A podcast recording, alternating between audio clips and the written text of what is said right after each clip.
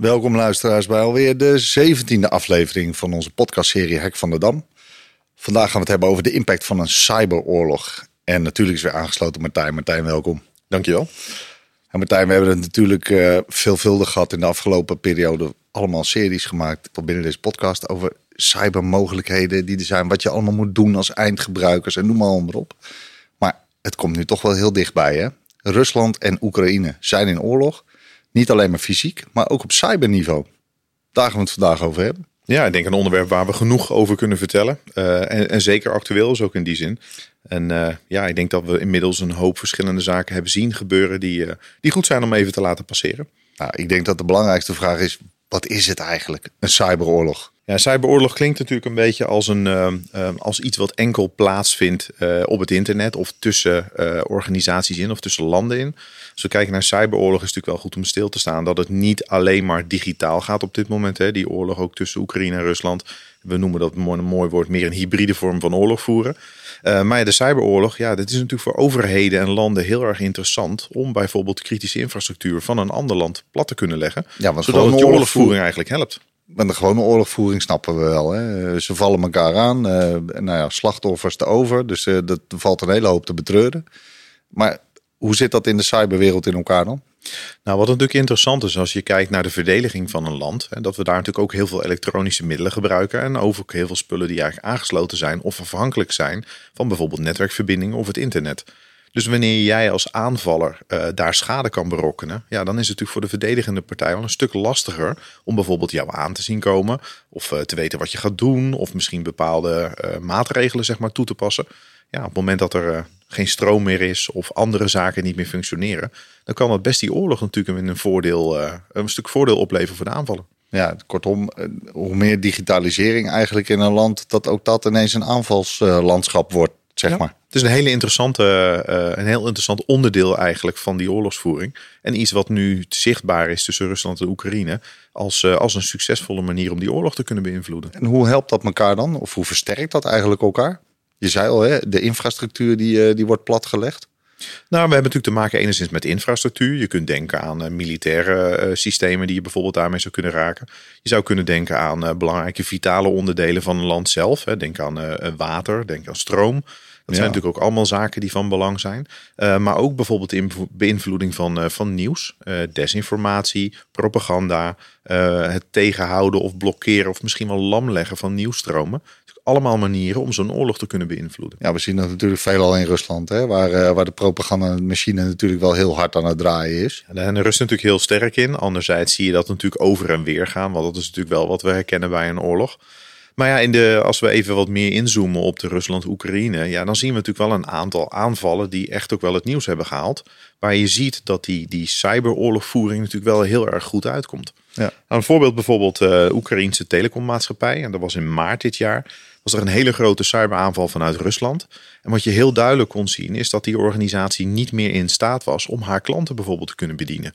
Dus ze hebben dat uh, inzichtelijk gemaakt. En je zag de bedrijfsvoering, dus wat zij konden leveren, zeg maar terugvallen naar 13% van wat zij normaal konden doen. Kortom, er kon niemand meer bellen? Nou ja, bellen, maar ook de internetverbindingen via dat soort partijen. Dus vooral uh, impact op consumenten. Nou, de organisatie heeft die aanval bijvoorbeeld wel af kunnen slaan, maar moest daardoor een heel groot deel van haar capaciteit eigenlijk weghalen bij de consument en gebruiken om bepaalde vitale sector en het leger bijvoorbeeld te kunnen blijven ondersteunen. Nou, we kunnen dus ons... Het heeft best wel impact natuurlijk als je dat ziet. Ja, we kunnen ons er natuurlijk alles bij bedenken als de communicatiemiddelen wegvallen. Uh, hoe heeft dat geholpen, zeg maar? Nou, kijk, op het moment dat het natuurlijk de communicatie lastiger is, maar ook bijvoorbeeld het delen van uh, nieuws, het zien van nieuws of het delen van foto's, inzichten. Uh, op het moment dat dat niet mogelijk is, kan dat voor een land natuurlijk wel een positieve werking hebben. In dit geval voor Rusland. Dus op alle manieren dat ze kunnen, proberen ze toch daar een beetje uh, de boel aan het rammelen te krijgen. Ja, men kan als, als individu niks meer delen, ook niet op Klopt. internet en ook daar niet meer over communiceren. Maar ook bedrijven natuurlijk steeds moeilijker ook, hè, een bepaalde ja. internettoegang. Dus in dit geval heeft het bedrijf bewust gekozen om haar vitale organisatie te beschermen. En daardoor eigenlijk die capaciteit weggehaald. Uh, maar als het nog erger geweest was, had je misschien een kans gehad dat ze dat, dat niet meer hadden kunnen waarborgen. Zijn er nog andere voorbeelden? Ja, zat neem ik aan. Maar... Nou, wat eentje die heel erg interessant is, is uh, Rusland heeft ook een aanval uitgevoerd. Of dat wilden ze in eerste instantie doen op het energienetwerk van de Oekraïne. Dat is natuurlijk een hele belangrijke, vitaal onderdeel van het land. Uh, zij waren daar al binnen, hadden een aantal machines besmet die ze wilden gebruiken om die energiecentrales zeg maar uit te schakelen. Of data te kunnen stelen of misschien wel lam te leggen. Nou, gelukkig was Oekraïne net op tijd om dat te zien en hebben ze het kunnen stoppen. Maar een aantal jaar terug is dat bijvoorbeeld Rusland wel succesvol gelukt. En toen hebben ze echt een deel van het energienetwerk in Kiev bijvoorbeeld uit kunnen zetten. En ja, dat lijkt mij helemaal vervelend. Hè? Maar ook vooral voor uh, bijvoorbeeld primaire eh, zaken zoals ziekenhuizen en dat soort dingen, als de energie daar wegvalt. Nou, die hebben vaak natuurlijk wel voorzieningen getroffen om daar iets voor te. Ja. En noodstroomvoorzieningen. Maar ook daar zit natuurlijk een beperking aan. En die zijn bijvoorbeeld vaak weer afhankelijk van uh, brandstof, bijvoorbeeld, om te kunnen blijven draaien. Dus je ziet dat er allerlei manieren zijn om toch flink te kunnen schudden aan zo'n land. Uh, om eigenlijk ja, een stuk voordeel eruit te halen voor de aanvaller. En helemaal natuurlijk als je de combinatie van dit soort dingen weghaalt uh, op, op, op een bepaalde manier. Communicatie weg, uh, olietransport en voorzieningen, dus brandstof eigenlijk. Uh, maar je zit totale infrastructuur compleet ontregeld natuurlijk op een gegeven moment. Ja, die kritische onderdelen zijn natuurlijk een, een graag gezien doelwit van zo'n organisatie. En daar gaan ze natuurlijk wel echt op uit. Wat je wel heel duidelijk naar voren ziet komen, ook bijvoorbeeld in die aanval op die energiecentrales, is dat het echt geïnitieerd is, in dit geval vanuit de GRU. En dat is de, de dienst in Rusland die zich bezighoudt met, uh, met militaire inlichting en aanvallen. Ja. Dus dat het echt een georganiseerde, door Rusland uitgevoerde staatsaanval is geweest. echt een onderdeel van de cyberoorlog, die ook ja. een onderdeel is van de totale oorlog tussen Rusland en Oekraïne. Klopt. Ja, het ene moment sturen ze een tank en het andere moment zou een stukje malware voldoende kunnen zijn om hetzelfde te bereiken. Ja, je had het al even over uh, fake nieuws, deepfake video's. Uh, wat hebben we daarin gezien de laatste tijd? Dat blijft natuurlijk fascinerend. We hebben al een aantal afleveringen natuurlijk even bij stilgestaan wat die deepfakes kunnen doen hè, en hoe dat dan in zijn werk gaat. Uh, dit was een mooi voorbeeld. Ik kijk eventjes op mijn spiekbriefje. De Berlijnse burgemeester dacht in gesprek te zijn met Vitali Klitschko. Ja. Die kennen we natuurlijk vooral als een, uh, als een veelgeziene vechter van vroeger, een grote man. Uh, maar de beste Berlijnse burgemeester dacht eigenlijk een videoconferentie te hebben op dat moment met hem.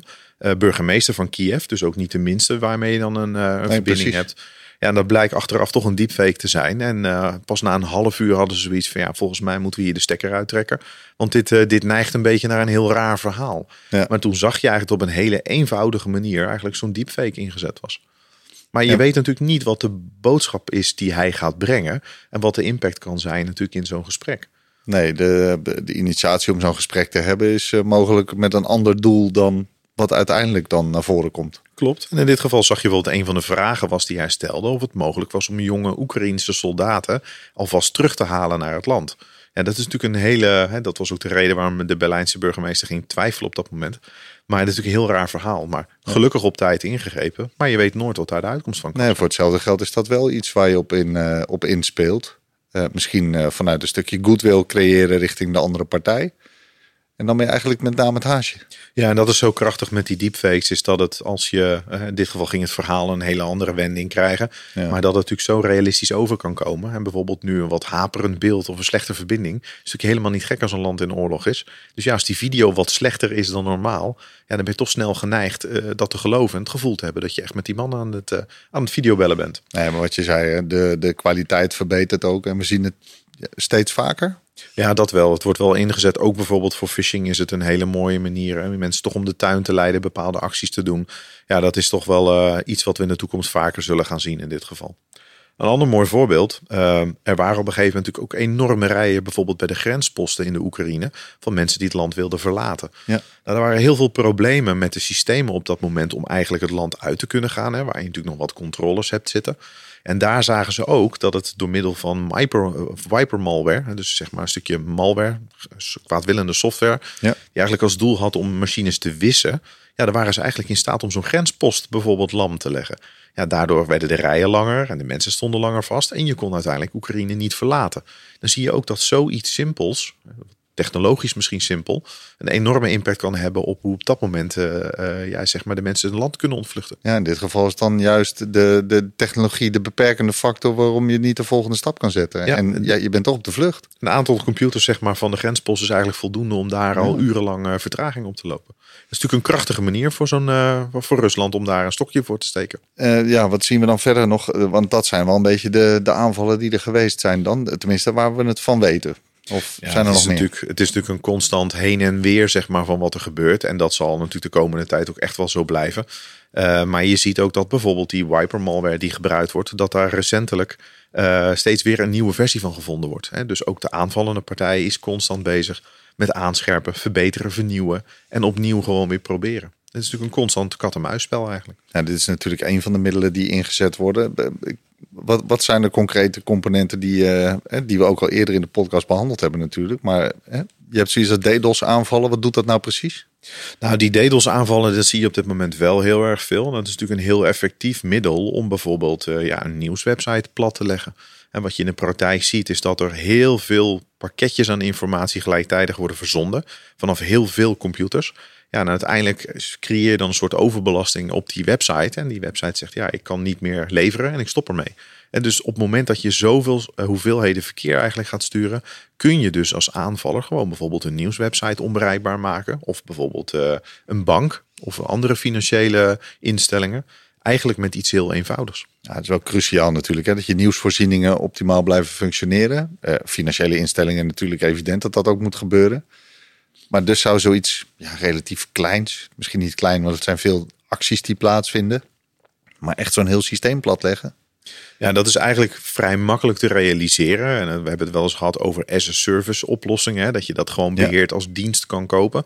Ja, DDoS as-a-service bestaat ook. Dus het zijn ook nog een keer maatregelen die je eigenlijk kunt nemen. Zonder dat je kennis van zaken hoeft te hebben. Je hoeft eigenlijk alleen maar te vertellen waar je de aanval naartoe wil hebben. Dus het is eigenlijk nog vrij makkelijk in te zetten ook. Zeker, maar ook doeltreffend. En daardoor zie je eigenlijk dat het gemakkelijk en ja, niet, niet al te duur en dus heel makkelijk is om in te zetten en je, je voordeel uit te halen. En dit geeft dan weer juist de ruimte ook om die, eh, om die mensen van, eh, van desinformatie te voorzien. Als de echte informatie eigenlijk eh, weggehaald wordt. Ja, daar is DDoS dus wel heel erg sterk in. Een perfecte manier voor, voor Rusland, zeg maar, om daar ook misbruik van te maken. Ja, de andere natuurlijk die we zei net al even, die wiper malware. Ja, er zijn echt heel veel varianten van Ja. geweest de laatste tijd. Eh, Microsoft heeft daar bijvoorbeeld ook heel veel over gecommuniceerd. Van ja, wat zien we nou? Wat gebeurt er nou? Ja, en zo'n wiper malware heeft natuurlijk eigenlijk maar één doel. En dat is puur vernietigen. Hè, want vroeger werd daar nog wel eens wat ransomware gebruikt. Maar dan zonder de mogelijkheid om terug te gaan. Maar de, de, de varianten eigenlijk die hier gevonden zijn, zijn maar ja, met één doel ontwikkeld. En dat is gewoon vernietigen. Gewoon stuk maken. Ja.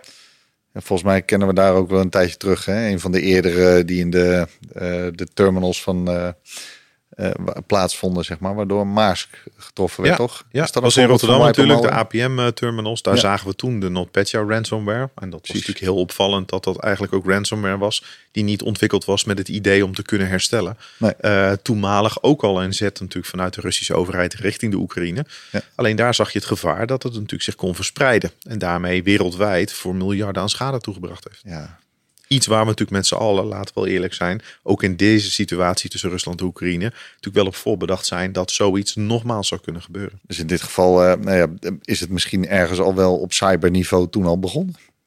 Nou, wat wel interessant was, is als je kijkt naar de, de cyberwapens aan zich. Dat in de laatste keynote van Miko Hupone van eh Witsecure ehm, was een heel mooi stuk waar die ook bestempelde van ja, cyberwapens zijn eigenlijk effectief. Ze zijn betaalbaar en onkenbaar. En daar zie Ja. je natuurlijk in deze in, in de oorlogsvoering dat heel sterk naar voren komen. Dat het ja makkelijk in te zetten is. Het werkt, het is goedkoop. En bij heel veel digitale dingen kun je ook nog zeggen: ja, ik was het niet.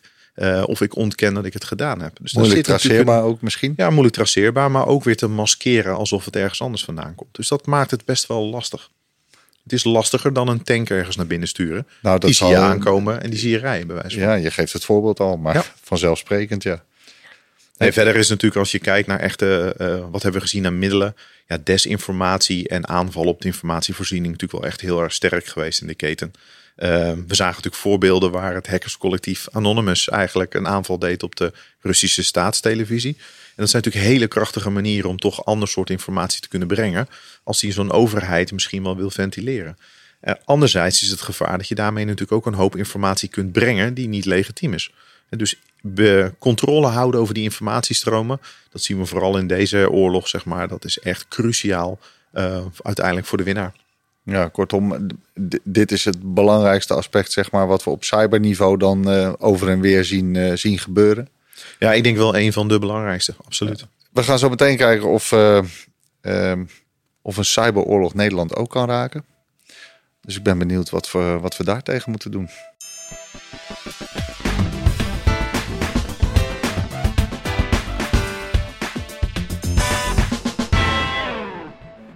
En we hebben het natuurlijk uitgebreid gehad over de oorlog tussen Oekraïne en, uh, en Rusland. Maar wie zijn er nou betrokken verder bij die, bij die cyberoorlogen? En er zit natuurlijk best wel een hoeveelheid uh, verschillende groepen eigenlijk in die we daarin herkennen. De enerzijds hebben we natuurlijk te maken met verschillende staten. Hè, dus de landen aan zich. We hebben te maken natuurlijk met de inlichtingendiensten van die landen. En dan zien we bijvoorbeeld aan de kant van Rusland heel duidelijk de GU en de FSB naar voren komen. Ja. Natuurlijk de bekende namen die we, als het gaat om uh, stoute dingen van Rusland, vaker voorbij zien komen. Maar we hebben ook te maken bijvoorbeeld echt met criminele organisaties die zich mengen in dit verhaal.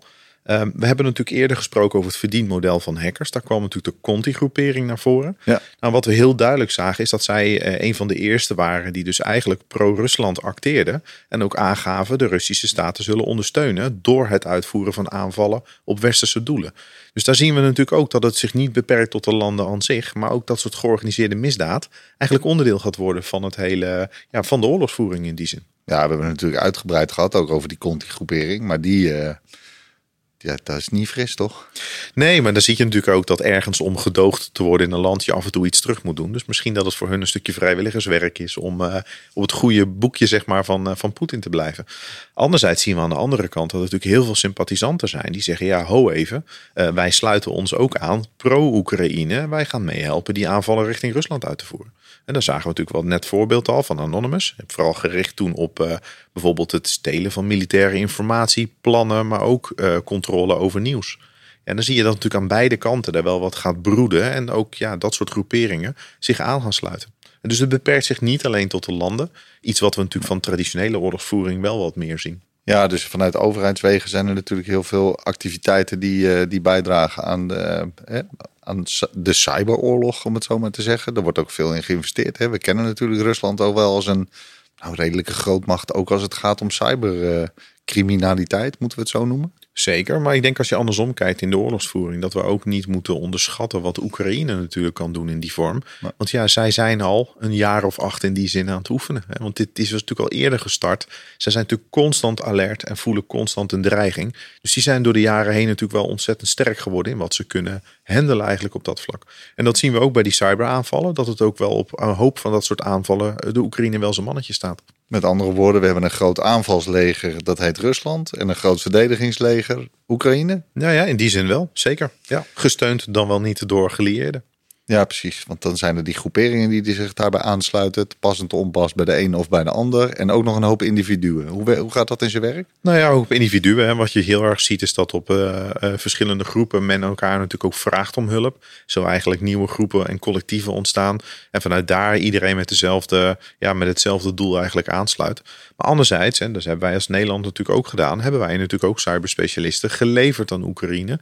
En zo zullen er meer landen zijn die toch op die manier steun betuigen door specialisten te sturen. En dat is natuurlijk ook een manier van ondersteuning in die oorlogsvoering. Dat is natuurlijk een aardig bruggetje naar uh, wat, wat zo'n cyberoorlog met Nederland ook doet, hè, bijvoorbeeld. Kan het Nederland raken? Nou, ik denk dat we dat gezien hebben natuurlijk een aantal jaar geleden. Bijvoorbeeld met die, uh, die aanval waardoor de Rotterdamse haven natuurlijk helemaal stil lag. Het was niet gericht op Nederland, maar wel Nederland slachtoffer van geworden. En die kans zit er natuurlijk nu nog steeds in. Dus ik denk dat we als land zeker alert moeten zijn wat er kan gebeuren. Maar anderzijds, ja, Nederland is natuurlijk ook best wel een interessant land natuurlijk in die zin. En wij zijn in hoge mate gedigitaliseerd, hebben heel veel specialistische kennis, bevinden heel veel technologiebedrijven, kennen wij natuurlijk in Nederland. Uh, maar hebben ook een aantal van de, uh, zeg maar een beetje van de grootste economieën ter wereld, hebben wij natuurlijk als Nederland ook. Ja. En dus als je kijkt naar transport, als je kijkt naar opslag, aan uh, noem het maar op, de havens, dan zit daar natuurlijk best wel veel wat voor zo'n ja, zo'n partij natuurlijk interessant kan zijn. Ja, groot Schiphol, hè, om maar wat te noemen. Bijvoorbeeld, hè, maar denk, we zijn natuurlijk ook lid van de NAVO, we zijn lid van de EU. Ja. Uh, maar denk bijvoorbeeld ook uh, internetverbindingen. Amsterdam is natuurlijk een immens knooppunt voor heel veel internetconnecties. Uh, bijvoorbeeld transatlantisch en naar andere continenten toe. Dus op het moment dat je daar een vorm van controle over hebt, of juist het kunt, nou, noem het wel lam leggen, wordt natuurlijk zo'n oorlogsvoering wel ineens een heel ander verhaal. Dus daar is Nederland, denk ik, best een interessant doelwit voor. Ja, dat moeten mensen dan toch op een bepaalde manier herkennen. Hè? Weten wij dat eigenlijk als Nederlander? Is dat een algemeen bekend gegeven? Ik denk als we nadenken over fysieke oorlogsvoering wel. En ik denk dat iedereen zich kan, nou ja, indenken is misschien het verkeerde woord, maar zou kunnen voorstellen dat we ineens in een oorlog komen en er eh, tanks binnenvallen en andere, allerlei andere legervoertuigen. Maar digitaal denk ik dat dat voor een heel groot deel wel echt onderschat wordt. Ehm, nou, wat ik net al zei, wij zijn voor een heel groot deel natuurlijk gedigitaliseerd. Hè. In Nederland natuurlijk best wel voor, vooruitlopend in. Ja. Maar denk bijvoorbeeld aan ja, waterzuivering, uh, uh, waterhuishouding, onze treinen, ons transport, al ons betaalverkeer is natuurlijk allemaal vandaag de dag elektronisch. En dus wat op het moment dat zo, nou, nou we als voorbeeld Rusland nemen, wat op dat zij op dat moment kunnen zeggen van nou ja, dat, dat werkt dus niet meer. Maar, en dan zit je als land natuurlijk best wel in een penarie. Ja, we zijn zwaar onthand natuurlijk als die, uh, ja, die facilitaire middelen gewoon wegvallen. Ja, dat en, en even de havens als voorbeeld nemen. Daar zit natuurlijk ook de opslag in van olie. Daar hebben we natuurlijk heel veel te maken met transport en tijdelijke opslag, overslag. Ja, op het moment dat dat allemaal niet meer functioneert, dan heb je natuurlijk ook een heel groot deel van de economie die eigenlijk van zo'n land en landen die daarvan afhankelijk zijn platlegt. Ja, kort geleden was daar eventueel sprake van. Hè? Dat is volgens mij nog niet helemaal uh, bewezen dat dat nee, echt een cyberaanval was. Maar... Ja, dat was een opslag, zeg maar, een container uh, of een uh, olieopslag in Amsterdam. En daar ja. was natuurlijk op een gegeven moment ook het vermoeden. maar ja, we hebben dat, het is lastig om steeds hetzelfde voorbeeld te geven, maar we hebben dat natuurlijk gezien met die containerterminals. Wat een immense chaos dat veroorzaakte. Ja. terwijl dat niet eens officieel gericht was richting ons. En dus dat kan wel desastreus zijn voor een land als Nederland. Nee, maar als die aanvallen heel bewust zijn, dan, uh, ja, dan is het natuurlijk helemaal funest. Uh, dan is de kans dat er nog meer schade gedaan wordt dan dat we nu al, tot nu toe hebben ervaren, is natuurlijk ontzettend groot. Ja, dan denken we nog niet eens misschien aan ziekenhuizen en de mogelijkheid natuurlijk om ergens naartoe te gaan in geval van dat er iets gebeurt. En dat zijn natuurlijk allemaal voorbeelden. Maar ja, dat is het nadeel weer van uh, een hoge mate gedigitaliseerd zijn, is de afhankelijkheid ehm, ja, van dit soort diensten. Nodigt dat extra uit dan, doordat wij zo'n digitaal land zijn? Nou, dat is natuurlijk lastig om dat denk ik te beantwoorden of dat echt een gericht interessant zou zijn. Maar bijvoorbeeld die internetknooppunten. Ja, er zijn natuurlijk heel veel eh, westerse landen. Ja. Een heel groot deel van Europa afhankelijk van de internetverbindingen die bij ons in Amsterdam binnenkomen. Dus ja, als je daar of misschien een ander land te grazen wil nemen, zou zo'n internetverbinding interessant kunnen zijn. Maar we hebben natuurlijk ook heel veel datacentra in Nederland. Uh, dus ja, in die zin zou dat best eens kunnen. Maar anderzijds, hè, dan hebben we het echt over verstoring misschien van vitale infrastructuur. Uh, anderzijds, als je bijvoorbeeld denkt, uh, nepnieuws rondom de MH17, waar we natuurlijk toen ook bijvoorbeeld heel veel in zagen gebeuren, is natuurlijk ook een manier hoe zo'n land ontzettend veel controle kan krijgen over het gevoel uh, wereldwijd wat er gebeurt ergens. Dat is natuurlijk ook een manier van die oorlogsvoering. Ja, ook een hoop propaganda over geweest natuurlijk, hè, met name vanuit de Ruslandkant. Absoluut. En wat je daar echt zag, is dat er hele organisaties waren die eigenlijk het als enige doel hadden, was het verspreiden van desinformatie uh, en fake nieuws, zoals we dat zo mooi noemen. Maar ook via Twitter. Dus een constante stroom aan berichten uh, van zaken die eigenlijk uh, ja, niet waar waren of gevormd naar hun eigen mening. En dat is natuurlijk wel een risico. Nou, wel aardig dat de tegenhangers, die dat dan natuurlijk vanuit alle digitale middelen uh, bij elkaar hebben gepuzzeld, hoe dat MA17-verhaal in elkaar heeft gezeten, is dan wel weer een interessant gegeven. Absoluut. Maar dan zie je natuurlijk ook dat wij als Nederland daar best wel heel veel in geleverd hebben en een heel groot deel bij betrokken zijn geweest. Ja, en dan kan dat voor zo'n land natuurlijk ook nog wel een aanleiding zijn om te denken van joh, eh, daar gaan wij ook iets in doen. Of we gaan iets richting dat land doen. En bijvoorbeeld door middel van dit soort nieuws. Ja. Wat we daar allemaal boven water hebben gehaald. En daarmee mogelijk aantoonbaar gemaakt hebben waar het daadwerkelijk vandaan kwam. Dat is toch aardig om te zien. Hè? Wat digitale middelen in, uh, op social media's en noem maar wat bij elkaar brengt. Om dan toch aan te kunnen tonen dat er een bepaald ja, aanvalslandschap ergens plaatsvond. Ja, en daar zie je ook weer de kracht van de, de, de tegenoverstaande partij, zeg maar, om daar natuurlijk invloed op uit te kunnen oefenen. Dat is natuurlijk immens belangrijk in zo'n traject. Ja, precies. Maar anderzijds hebben we ook nog te maken met het feit dat we als Nederland natuurlijk ook wel een interessant land zijn. En misschien niet zozeer een doelwit, maar ook een interessant land zijn, bijvoorbeeld om aanvallen op andere landen weer uit te voeren. Want wij hebben natuurlijk als Nederland hebben wij echt hele goede internetverbindingen. We hebben goede datacenters. En uh, ja, dat zagen we ook bij de aanvallen op Oekraïense banken bijvoorbeeld heel mooi naar voren komen. Daar werd een Russisch botnet gebruikt. Zeg maar een heel netwerk van besmette computers.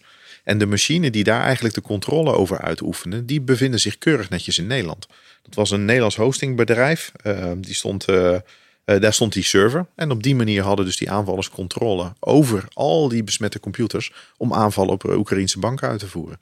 Dus daar zie je eigenlijk dat wij onderdeel van iets zijn, maar misschien niet eens bewust. We, wisten we het niet? Ja, uiteindelijk wellicht, want anders komt het natuurlijk niet boven water. Maar Nee, dit soort dingen er zijn natuurlijk zijn. veel van dit soort netwerken. En ik denk dat het wel even geduurd heeft voordat zij door hadden dat ze echt onderdeel waren van een aanval vanuit de Russische overheid. Uh, je ziet natuurlijk wel aan de hoeveelheden verkeer als, als internethostingpartij uiteindelijk dat het zich concentreert bijvoorbeeld naar een Oekraïnse bank. Dan heb je natuurlijk wel een vermoeden uit welke hoek het komt. Maar ja, daar is natuurlijk wel ja, goede internetverbindingen, goede datacenters. Uh, voor die aanvallers heel erg interessant om dat uh, in Nederland te doen. Dus we zijn eigenlijk ook weer een uitnodigend land om uh, voor dit soort zaken, maar vooral ook voor een heel veel internetcriminaliteit is Nederland natuurlijk best een interessant land om je, om je spullenboel onder te brengen. Absoluut. Ja. die datacenters, daar hadden we het natuurlijk al even over. Hè? Uh, anderzijds, uh, voor ik het vergeet, de, de bemoeienis uh, van de diverse partijen. We hebben het natuurlijk gehad, maar ook gezien in de, in de verkiezingsstrategieën, zo her en der. Ja, het lijkt erop als Rusland zich ook overal mee bemoeit. Nou ja, daar zie je natuurlijk heel sterk naar voren komen. We hadden het natuurlijk net over, over eh, nepnieuws. Die manieren van, van nieuwsbeïnvloeding, maar ook rondom verkiezingen. Als je daar natuurlijk constant uh, de ander in discrediet kan brengen of een onbalans kan creëren in een stukje democratie, waar we natuurlijk in het Westen heel erg sterk in zijn. Ja, dat is natuurlijk voor zo'n land ook wel heel erg interessant als je daar invloed op uit kan oefenen. En dus ook verkiezingen, die natuurlijk vooral democratisch zijn van aard, is natuurlijk heel erg interessant als je daar natuurlijk een stukje de weegschaal kan beïnvloeden hoe die valt. Zouden moeten zijn natuurlijk, maar uh, volgens mij is er wel redelijk wat aangetoond rondom de Amerikaanse verkiezingen, het uh, Brexit-referendum en zou het zelfs in Nederland gebeurd kunnen zijn?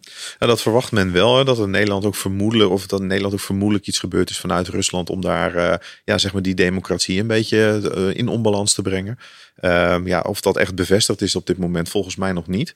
Maar ze hebben natuurlijk wel een vermoeden. En meestal zijn die vermoedens natuurlijk ook wel gebaseerd op, uh, op signalen. En ja, dat, de vraag is, hebben ze het wel bij het rechte eind of niet?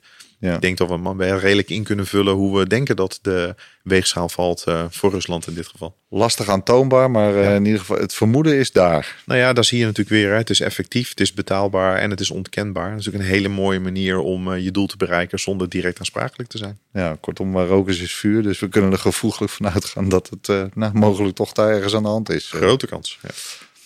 ja, laten we zo meteen nog kijken wat, wat we als Nederland kunnen doen Ehm, om zo'n cyber, uh, ja, om weerbaar te zijn tegen een cyberoorlog eigenlijk. Dus uh, graag tot zo.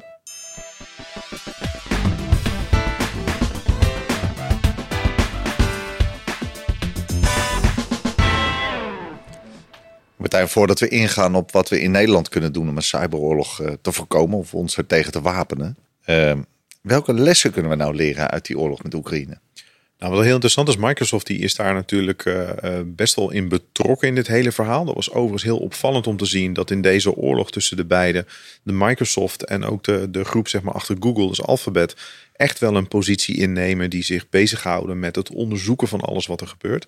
Die, hadden een, uh, of die hebben een lijst opgesteld met vijf zaken die we echt hebben kunnen leren hieruit. Uh, en er zitten een aantal interessante zaken in. Bijvoorbeeld, uh, ja, zorg dat je data vanuit je datacenter nou in verschillende internationale locaties staat. Ja. Dan kun je denken, ja oké, okay, een datacenter, hoe bedoel je? Maar wat we in de Oekraïne zagen, is dat er echt met door middel van een raketaanval echt een volledig datacenter eigenlijk stuk gemaakt is. Dus enorm belang om te zorgen dat informatie die je in datacenters hebt, ja, dat die eigenlijk uh, op andere plekken ter wereld ook staan.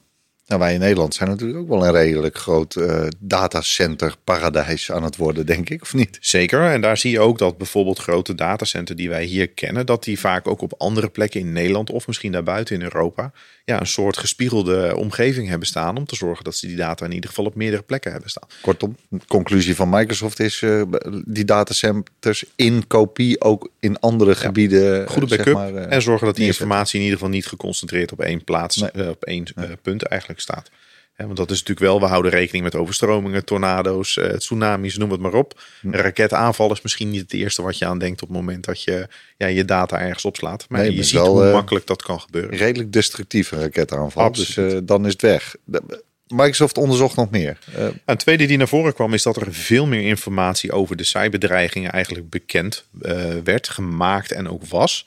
Waardoor het voor heel veel landen daaromheen, maar ook voor de Oekraïne zelf, makkelijker was om aan informatie te komen van wat gebeurt er nu. En daar zie je ook dat het delen van informatie en het goed delen van informatie ja, toch wel belangrijk is in zo'n scenario. Want ja, uh, je moet toch weten wat er gebeurt, maar ook om jezelf te kunnen wapenen met preventieve maatregelen.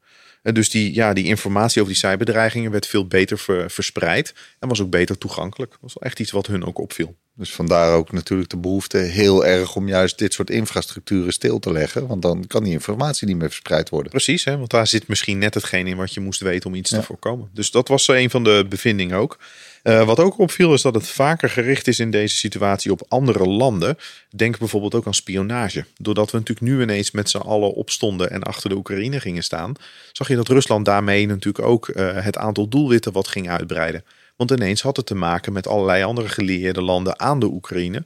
Ja, en dan zie je dat spionage ook een hele belangrijke manier is om te weten wat er gaat gebeuren. Ja, Oekraïne was niet het enige aanvalsland, landschap in dit geval. Zeker maar, niet. eh, Ik denk dat ze genoeg pijlen ook richting Amerika bijvoorbeeld gericht hebben. Van ja, wat gebeurt daar? Wat zijn die aan het voorsorteren bijvoorbeeld? ja, die hebben natuurlijk heel veel hulp geboden ook. Dus eh, als je dat technisch of vanuit een cyberperspectief kunt, eh, kunt achterhalen, Ja. dan eh, heb je natuurlijk een Ja, voorsprong. daar is echt de spionage van de inlichtingendienst echt cruciaal in. Dus die kwam heel erg naar voren. Eh, be- eh, ja, beïnvloedingsoperaties. We hadden het net al eventjes over het Ja. sturen van de media aan het nieuws. Eh, dat is natuurlijk wel echt ten top aan de gang tussen Rusland en de Oekraïne. En dat, ja, op die manier wil Poetin natuurlijk ook medestanders voor die oorlog. Door die informatie en het nieuws in zijn eigen land anders te delen. En ook naar gelieerde landen. Dus ja, ja, hoge mate van de manier om, en, om zieltjes te winnen natuurlijk op dit Precies. moment. Ja. Ehm, en als laatste kwam ook nog naar voren dat er echt een nood is aan gecoördineerde westerse strategie. Ja, eigenlijk ter versterking van de verdediging. Dus ja, we hebben natuurlijk heel veel capaciteit met z'n allen zitten. Maar daar kan natuurlijk nog wel wat in eh, ja, verbeterd worden om dat als eenheid te kunnen leveren in zo'n situatie als dit. En ik denk ook dat dat een terechte bevinding is. Dat los van de expertise, de gebundelde expertise misschien nog veel belangrijker is. ja, dus de stelling daarin is, we zullen meer moeten samenwerken. Nou ja, Uiteindelijk. meer, beter, efficiënter. Ehm, en, en dat wil niet zeggen dat dat nu niet gedaan wordt. Maar dat is natuurlijk wel iets waarvan je na zo'n oorlog, eh, als je dat gaat evalueren, dan denk ik dat daar wel een punt naar voren komt. Dat we daar sterker in kunnen worden met z'n allen. En, en wat doen we nou in Nederland, Martijn? Nou, als we kijken naar wat we daar zelf aan kunnen doen, hè, dan heb ik het even niet over de overheden misschien waar we, waar we dan naar kijken, maar gewoon wij met z'n allen. Want ook wij kunnen als ondernemers misschien bedrijven hebben die toch ja, wel cruciaal zijn in een bepaalde keten daarin. Is een van de zaken nog steeds, ja, neem basismaatregelen. En Dat klinkt zoals een schot voor open eh, deur. Maar als het zo gemakkelijk is om ergens binnen te komen en bijvoorbeeld die wiper malware uit te rollen, ja, dan is het natuurlijk voor zo'n aanvallende partij wel heel erg makkelijk. En dus geen garantie dat het niet gebeurt, maar zorg wel voor die juiste basismaatregelen. Denk bijvoorbeeld aan bescherming van je accounts door middel van multifactor authenticatie, geregeld updaten zodat zwakheden niet misbruikt kunnen worden. Dat soort simpele basisonderdelen. Ja, het wordt een beetje een monotone podcastserie zo, maar eh, het komt wel iedere keer weer terug. En het zijn eigenlijk altijd dezelfde dingen. Dus Maar daar is natuurlijk ook een reden voor, aangezien het de basismaatregelen zijn. Ja, denk ik dat het ook heel logisch is dat we die wel steeds terug zien komen. Maar ook in de praktijk helaas nog steeds de zaken dat als je een cyberincident onderzoekt, het heel vaak komt door het gebrek aan dit soort maatregelen. ja, kortom, eh, we kunnen het echt niet vaak genoeg zeggen. Het, die basismaatregelen op orde, weet wat je beschermen moet. eh, dat zijn eigenlijk allerlei dingen die, ja, we kunnen ze niet vaak genoeg herhalen, toch? Nou, maar je zegt het, eh, je zegt het goed, hè? weet ook wat je te beschermen hebt. Dat is vooral ook een die naar voren kwam. Ook vanuit de overheid bijvoorbeeld aanbevolen wordt van ja, leg even focus op jouw eigen kroonjuwelen in je organisatiedoelstellingen. Is het de beveiliging die je nu hebt nog adequaat genoeg voor jouw kroonjuwelen die je op dit moment hebt? Want wat we natuurlijk nog wel eens zien bij organisaties is dat er een, ja, een strategie bedacht wordt op het moment. En vervolgens ja, appt dat al die jaren lekker door. Maar zo'n organisatie groeit misschien en groeit. En er komen vestigingen bij, misschien een ander businessmodel. En de beveiliging is misschien niet helemaal meer up-to-date. Ja, En het dus zorg aanvalslandschap ook- verandert ook nou, natuurlijk. het aanvalslandschap verandert, je organisatie verandert, Ja. maar niet altijd verandert de beveiligingsstrategie mee. Dus ook goed om die even, ja, even af te stoffen uit de kast en, eh, en, en te herzien en opnieuw eh, weer adequaat te maken. Nou ja, gratis tip, heb focus erop. Hè? Dat is eigenlijk wat ja. we zeggen dan. Regel het gewoon. Andere, de, eh, ja, we zijn natuurlijk vanuit, eh, zijn we vanuit wetgeving bezig? Dat, dat is misschien wel de juiste vraag, om, om daar wat mee te doen. En, en wat moeten we dan met die cyberdreigingsinformatie doen? Ja, dat is natuurlijk best wel een, eh, een, een lastig verhaal als je kijkt. Hè. Allereerst is het natuurlijk belangrijk als organisatie om wel ja, bezig te zijn met die dreigingsinformatie. Dat klinkt altijd heel technisch. Dat wil niet zeggen dat je al die eh, documenten moet lezen van wat er allemaal gebeurt in zo'n stukje malware. Maar het weten dat het speelt en wat voor manieren zo'n land verzint, helpt natuurlijk wel als IT-afdeling van je organisatie om daar een stukje voorbereiding en proactieve maatregelen in te nemen. Kun je Dus- het wel allemaal bij wet vastleggen dan? nou, bij wet is heel erg lastig. Eh, jij noemde net al even de wetgeving daaromheen. Ehm, als je kijkt naar hoe nu het delen van dreigingsinformatie gaat van zaken die bijvoorbeeld bij het, eh, het Nederlands eh, Cybersecurity Center bekend zijn, het Nationaal eh, Cybersecurity Center, dan mogen ze die informatie bijvoorbeeld niet delen met de gemiddelde ondernemer. En dat is heel erg lastig, want als dat nou zo cruciaal is, bijvoorbeeld zo'n stukje wiper malware, en je weet dat het zich in Nederland bevindt, mogen zij het eigenlijk vanuit de wet niet delen. Nou, wat je daar gelukkig wel ziet, is dat er een nieuw wetsvoorstel ingediend is. Zogenaamde de Wet Beveiliging Netwerk en Informatiesystemen. Waarin wel een voorstel is gedaan om die mogelijkheid tot delen breder te maken. En dat richt zich nu natuurlijk alleen op de overheid, de Rijksoverheid. Uh, kritische infrastructuur, denk aan waterschap bijvoorbeeld. Uh, maar misschien dat er ook wel bedrijven zijn die ook een cruciale rol daarin spelen, maar niet aangemerkt worden als een van die twee. Nou, die willen ze eigenlijk ook onderdeel kunnen maken van die nieuwe wetgeving. Ik zou het toch als ondernemer wel heel fijn vinden hoor. Dat ik geïnformeerd word op het moment dat ook maar iemand zeg maar eigenlijk uh, een dergelijke dreiging heeft geconstateerd.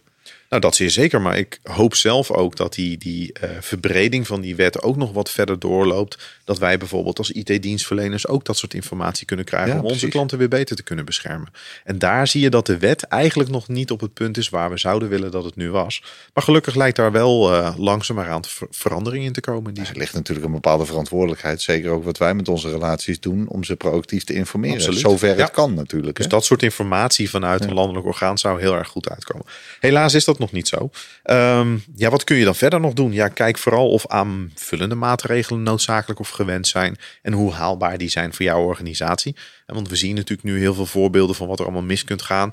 Ja, kun je daar overal wel wat tegen doen? Ja, de vraag is alleen op een gegeven moment of het haalbaar is voor je organisatie. En dus misschien een mooi moment om je kroonjuwelen, je basisbeveiliging en hetgeen wat je misschien nog wil toevoegen, even opnieuw de balans op te maken. Toch eens opnieuw te herijken. Dat is eigenlijk Absoluut. wat je zegt. Ja.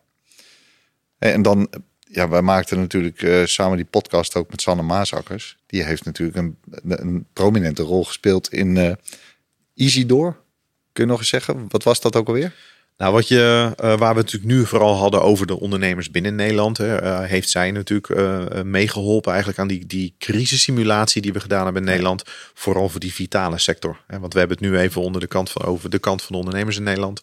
Uh, de overheid heeft natuurlijk ook haar verantwoordelijkheid daarin. En die ja. doen ook dit soort oefeningen om voorbereid te zijn op, uh, ja, noem het op, de cyberoorlog uit Rusland of een ander land in die vorm.